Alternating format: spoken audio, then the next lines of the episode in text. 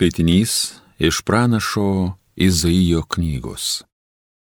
Prabilęs viešpats per pranašą kalbėjo Ahazui. Prašyk viešpatį savo dievą savo ženklo. Arba apačioje iš žemybių, arba viršuje iš aukštybių. Ahazas atsakė, aš nieko neprašysiu ir viešpaties nebandysiu. Tuomet Izaijas prabilo Klausykite Davido namai. Ar jums per maža varginti žmonės, kad jūs įkyrite ir mano Dievui? Todėl pats viešpats duos jums ženklą. Štai mergelė pradės ir pagimdys sūnų. Ji duos jam vardą Emanuelis, tai reiškia Dievas su mumis. Tai Dievo žodis.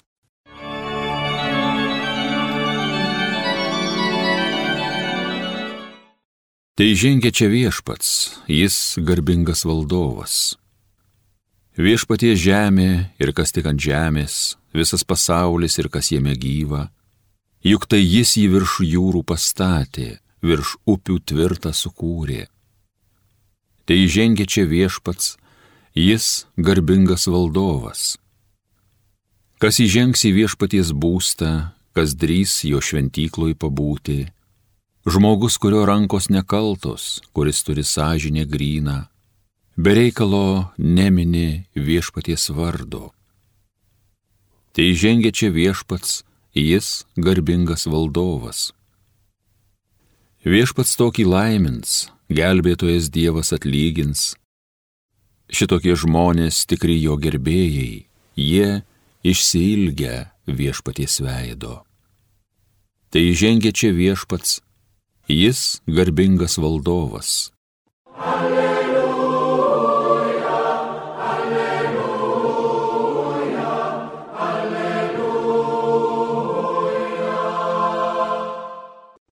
Dovido rakte amžinos karalystės vartus atidaras, ateik ir išleisk iš kalėjimo pančiai surakintus tamsiosios belaisvius.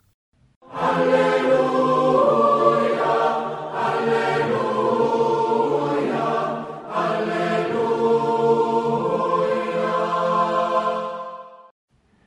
Iš Evangelijos pagal Luką.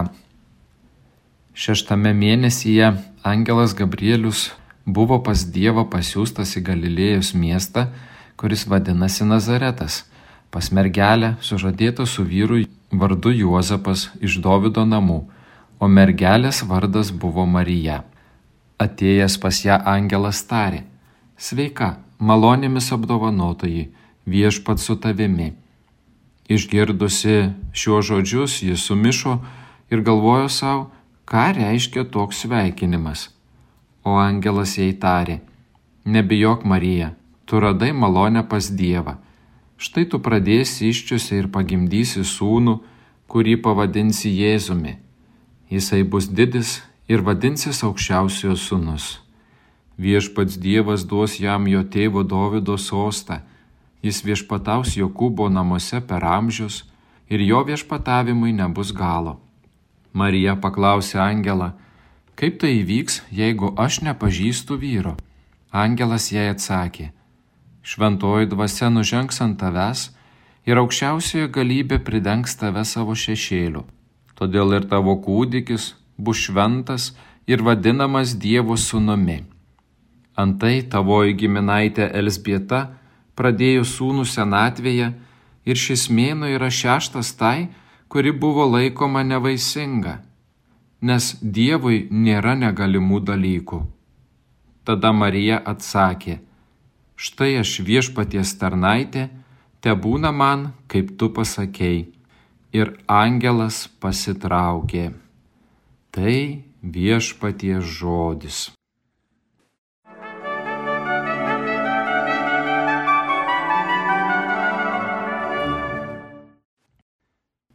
Mėlyjeji, šiandien girdime Evangelijoje, Marija kalbasi su angelu. Neįtikėtina, rodos ką tik skaitėme Evangelijoje apie tai, kaip angelas ir Zacharija susitinka tuo metu, kada vyksta iškilmingos pamaldos šventykloje, šalia didingo altoriaus, paskendusio daugybės milkalų dūmuose. Jų susitikimas priverstų greičiau plakti mūsų širdį nuo to reginio, kuris supo jų susitikimo vietą. O štai čia su Marija visai kitokia istorija, visai kitokia aplinka, mažam kambarėlyje. Žinoma, yra baimės, nerimo, kaip ir bet kuriuo kitu atveju, kada pasijunti palitėjęs dievišką į rūbą. Yra baimės, tačiau tuo pačiu metu ir pagarbos, ir vidinės jėgos. Tau jaunutė, paauglė mergaitė, tarsi lygus su lygiu kalbasi su vyriausioju angelu. Nesupanikuoja, klausinėja, masto, bando suprasti. Ne, tikrai nėra jokios problemos dėl to, kad ji nepažįsta vyro.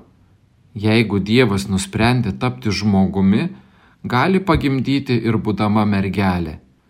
Taip, bus vadinamas didžiu jos sunus, bus jis šviesa visoms tautoms. Ir dar porcija naujienų. Tavo giminaitė, kuri buvo laikoma nevaisinga, laukėsi jau trečiąjį mėnesį. Nebijok, Marija, Dievui nieko nėra neįmanomo. Štai viskas tampa aišku. Šiek tiek sumišimo, tačiau viskas aišku. Nesuvokiama, tačiau aišku. Marija pasitinka šį slėpinį. Visos kūrinijos akis nukreiptos į Mariją. Ir jeigu taip nejučia išsprūstų iš jos lūpų žodis, noriu dar kurį laiką apie tai pagalvoti, Argi galėtų ją kas nors pasmerkti? Ir kasgi nenorėtų ateiti į pagalbą jaunai paaugliai merginai, kuri to jau pat turi prisimti pasaulio išgelbėjimo misiją. Marija apmastė ir skiria žinios nešėjui apsisprendimo žodį. Tegul Dievas daro su manimi tai, ką yra nusprendęs. Taip. Mes visi mėgstame pasivaikščiojimus ypatingai tada, kada einame su gera kompanija, draugais, bičiuliais. Ir šis adventinis laikas yra tarsi iššūkių pilna kelionė su tikslu - nukeliauti į pačią gražiausią ir aukščiausią apžvalgos aikštelę. Į tą aikštelę, kurioje atsidūrę viso pasaulio ir visų laikų žmonės būna maloniai nustebę, o gal net ir priblokšti. Šventosios kalėdos. Keliaujame link jų. Mes keliaujame adventiniu keliu su tais, kurie gerai pažįsta kelią. Turime gerą kompaniją ir tobulą gidę Mariją. Į ją esame pratę kreiptis tuo titulu, kurį mums bažnyčia pristato kaip vieną svarbiausių mūsų tikėjimo tiesų - nekaltai pradėtoji.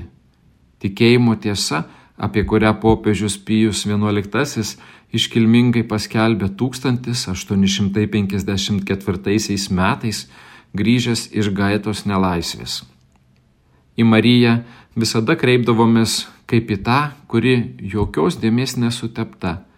Tikrai priderėjo, kad toji, kuri taps Dievo motina, būtų apdovanota ypatinga Dievo malonė, kuri ją saugotų nuo polinkio į blogį, gimtosios nuodėmės pasiekmės. Donskotas yra taip kalbėjęs. Jeigu kas nors skuba į pagalbą, kam nors, kas patyrė nelaimę, avariją kelyje, tai jis vadinamas gelbėtoju.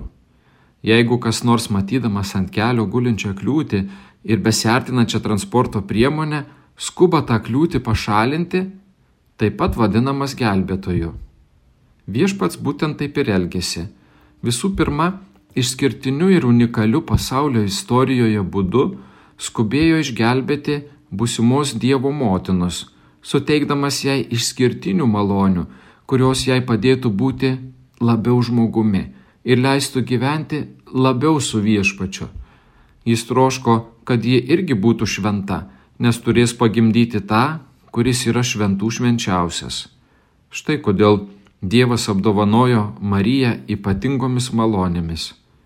O ką mums 2022 metais gyvenantiems žmonėms sako šito įtikėjimo tiesa? Marija yra pirmoji, kuri pilnai atpirkta ir išganyta. Būtent dėl to visų laikų krikščionys žvelgia ją kaip į tobulumo pavyzdį, gražaus gyvenimo liudytoje, o tuo pačiu patys yra kviečiami sekti jos keliu. visa šventa ji ir toliau yra bažnyčioje. Ir į tokį šventumą kviečiami visi pakrikštytieji. Marija yra ne tik universalusis principas ar kvietimas, ji ir mūsų prieglauda visiems, kurie kenčia nuo gimtosios nuodėmės pasiekmių, vienatvės, pasimetimo. Apmastydami šiandienos Evangelijos ištrauką, melskime, kad mes turėtume ryšto priimti Dievo valią kaip ir Marija. Melskime, kad Marija užtartų visas sielas, visus žmonės, visus, kurie yra paklydimuose, kurie kenčia, kurie prisirišę prie laikinųjų gerybių ar prie nuo Dievo atitolinančių dalykų. Te užtaria įvairiausius sunkumus išgyvenančius, namų neturinčius, taikos trokštančius, negebančius pakilti iš žmogiškosios menkystės liūno Keliaukime šią adventinę kelionę iki galo su Marija, kad užkopę į nuostabę stotelę Kalėdas pajustume, kaip nuostabu keliauti per kasdienybę su tokia nuostabia bendra keleive, gyvenimiškos kelionės eksperte. Amen.